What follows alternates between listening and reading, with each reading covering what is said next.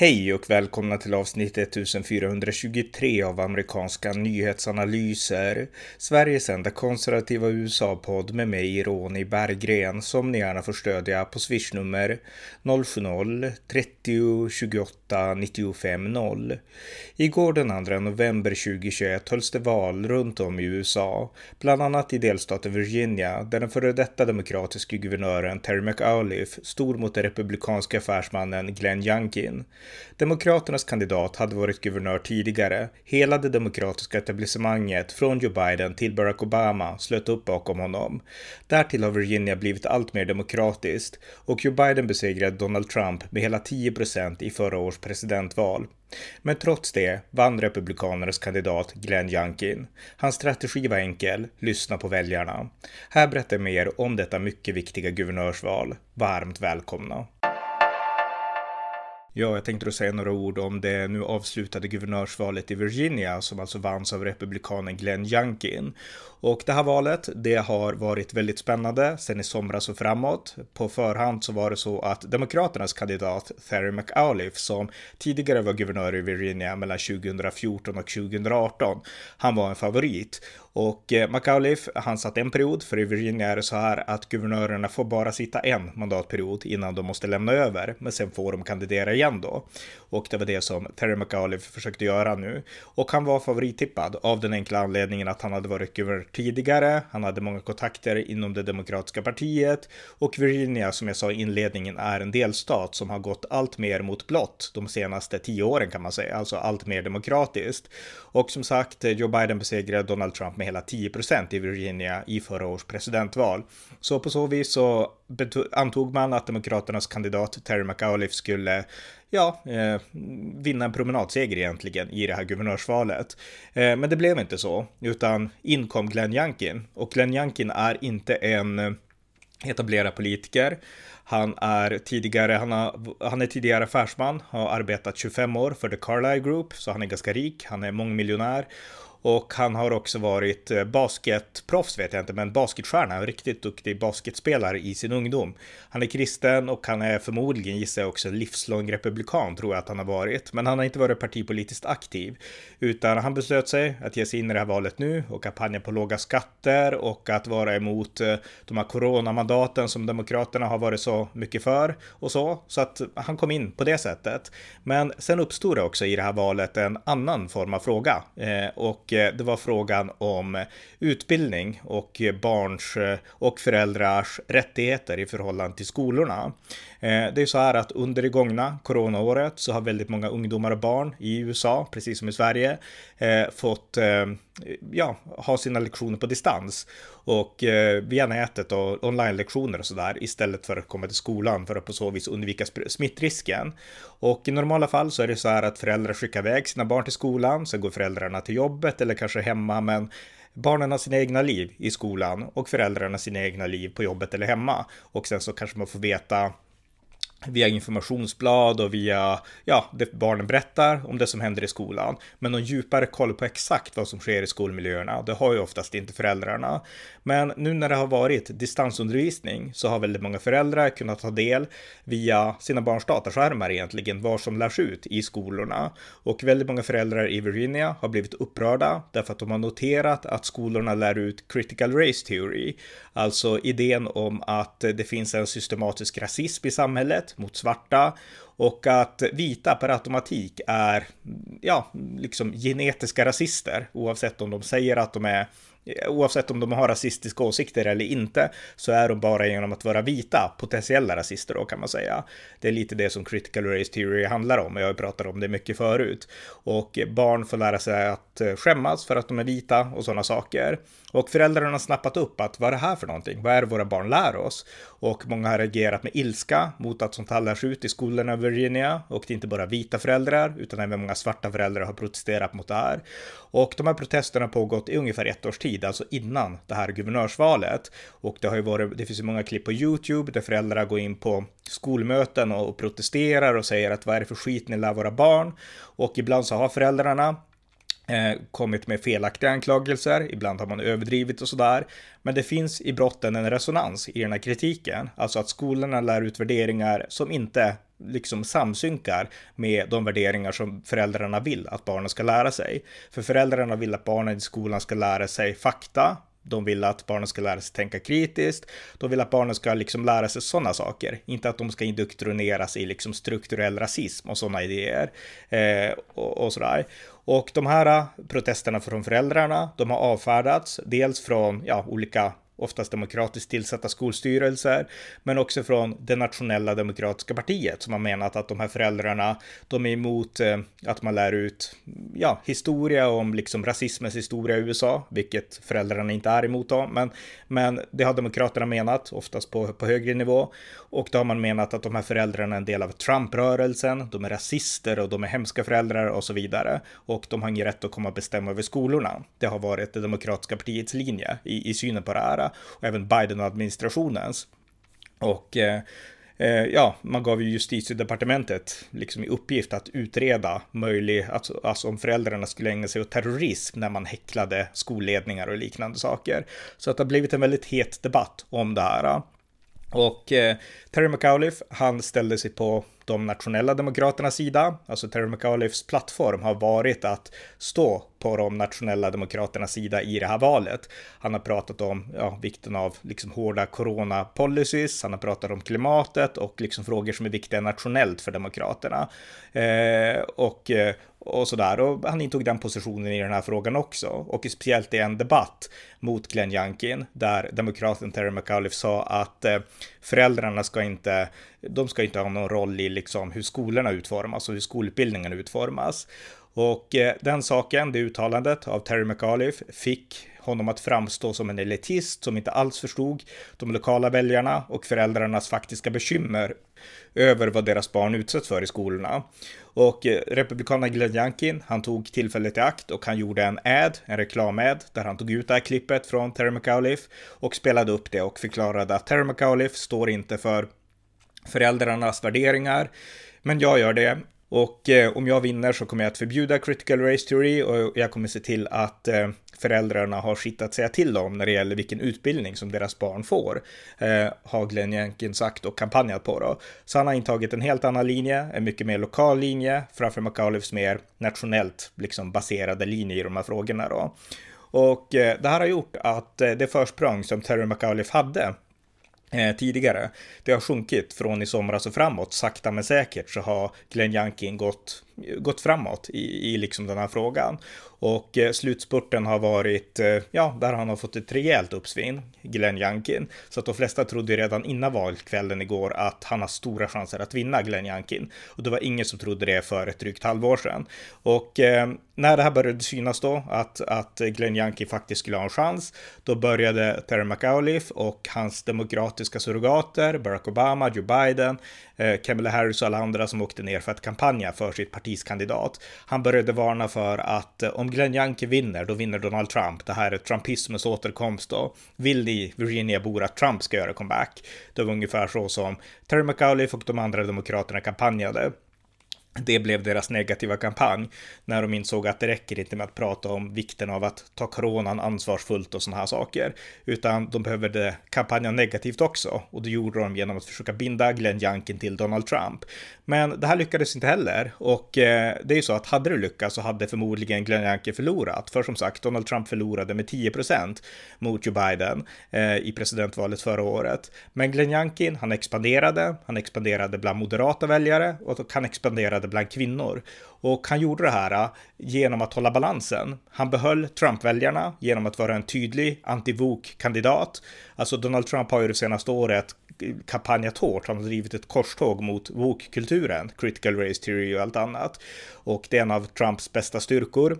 Eh, samtidigt så har Trump också blivit symbolen för den här kampen.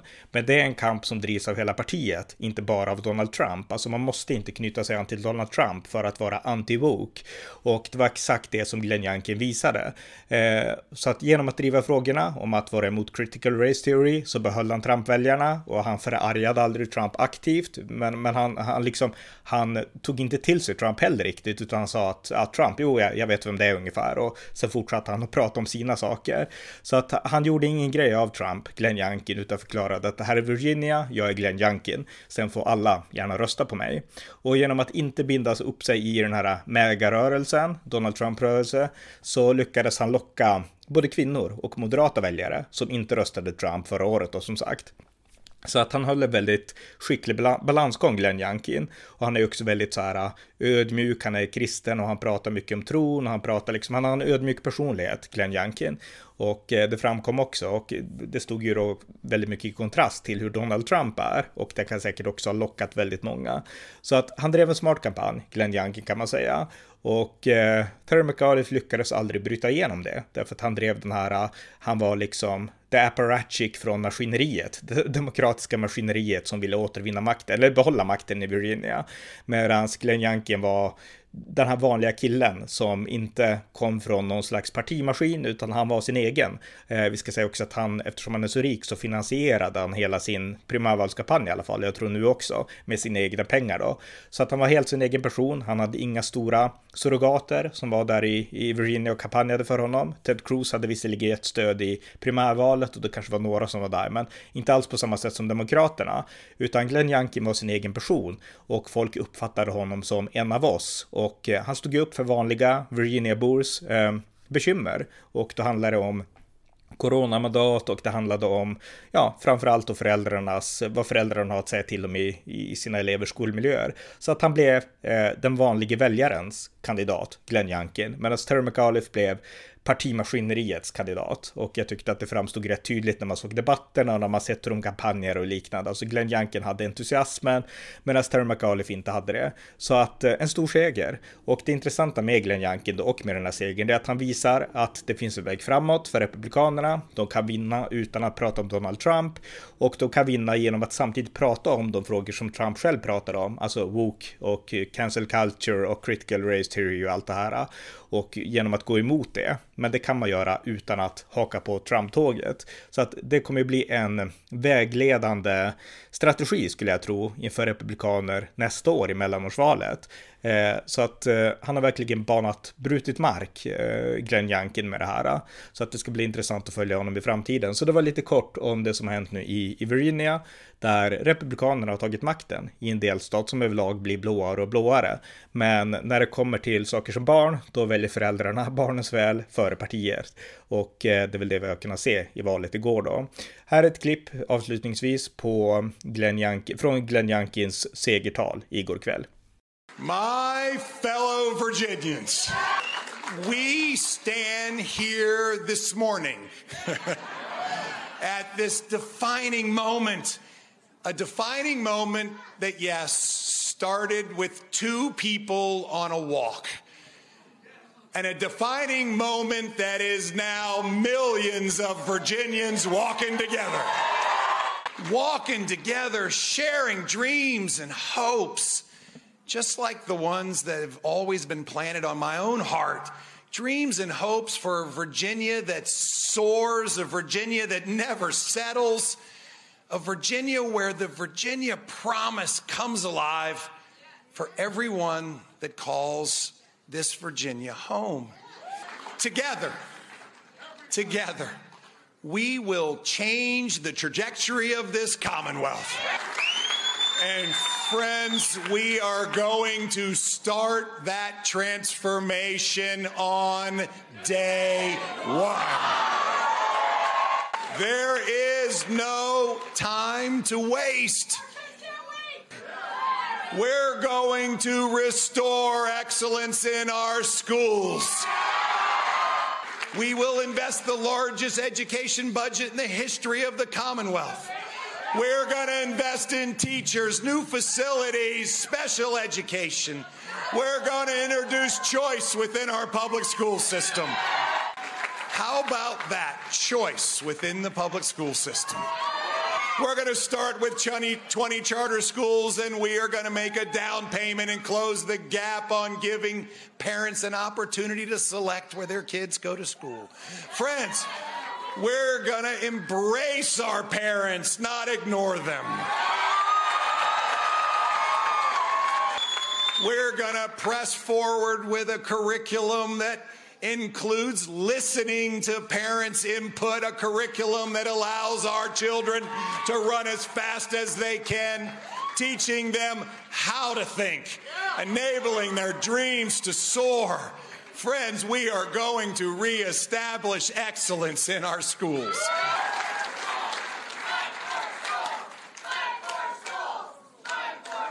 We are fighting for parents and students and teachers and our schools. Friends, we will reduce our cost of living. On day one, we will declare the largest tax refund in the history of Virginia. We're going to eliminate the grocery tax, suspend the most recent hike in the gas tax, double everybody's standard deduction. And we are going to cut taxes on the retirement income of our veterans. All in, we're going to save Virginia families $1,500 year one. We are going to keep our communities safe.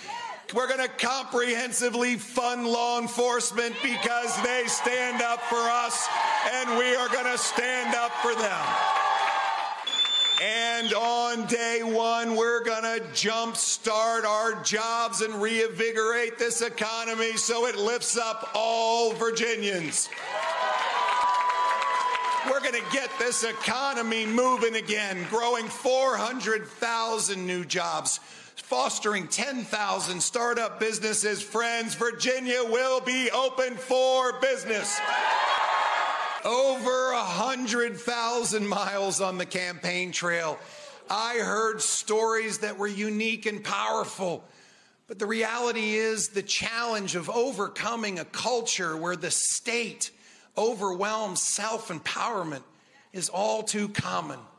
For too long, we've, expect, we've been expected to shelve our dreams, to shelve our hope, to settle for low expectations. We will not be a commonwealth of low expectations. We'll be a commonwealth of high expectations. And friends, all of that has changed tonight. This is the spirit of Virginia coming together like never before. The spirit of Washington and Jefferson and Madison and Monroe and Patrick Henry of Virginians standing up and taking our Commonwealth back. This is our Virginia to build together, and we are going to go to work on day one. There are always those. There's those that say that that hill is too steep to climb. But we are empowered. We're empowered by a conviction, a righteous conviction in our children's future. We're strengthened by our collective belief in the Virginia promise. So let's climb that hill together. Together. Together. We can build a new day. A new day for Virginians where, yes, we soar and we never settle. A new day where all Virginians, all of us, can deserve to look forward to grabbing, to aspiring, to dreaming, and then achieving that great Virginia promise. God bless you all. God bless the Commonwealth of Virginia. And let's go. Det var avsnitt 1423 av amerikanska nyhetsanalyser. En konservativ podcast om amerikansk politik som jag driver ideellt men som ni gärna får stödja på swishnummer 070-30 28 95 0 eller via hemsidan på Paypal, Patreon eller bankkonto. Det var allt för den här gången. Vi hörs snart igen.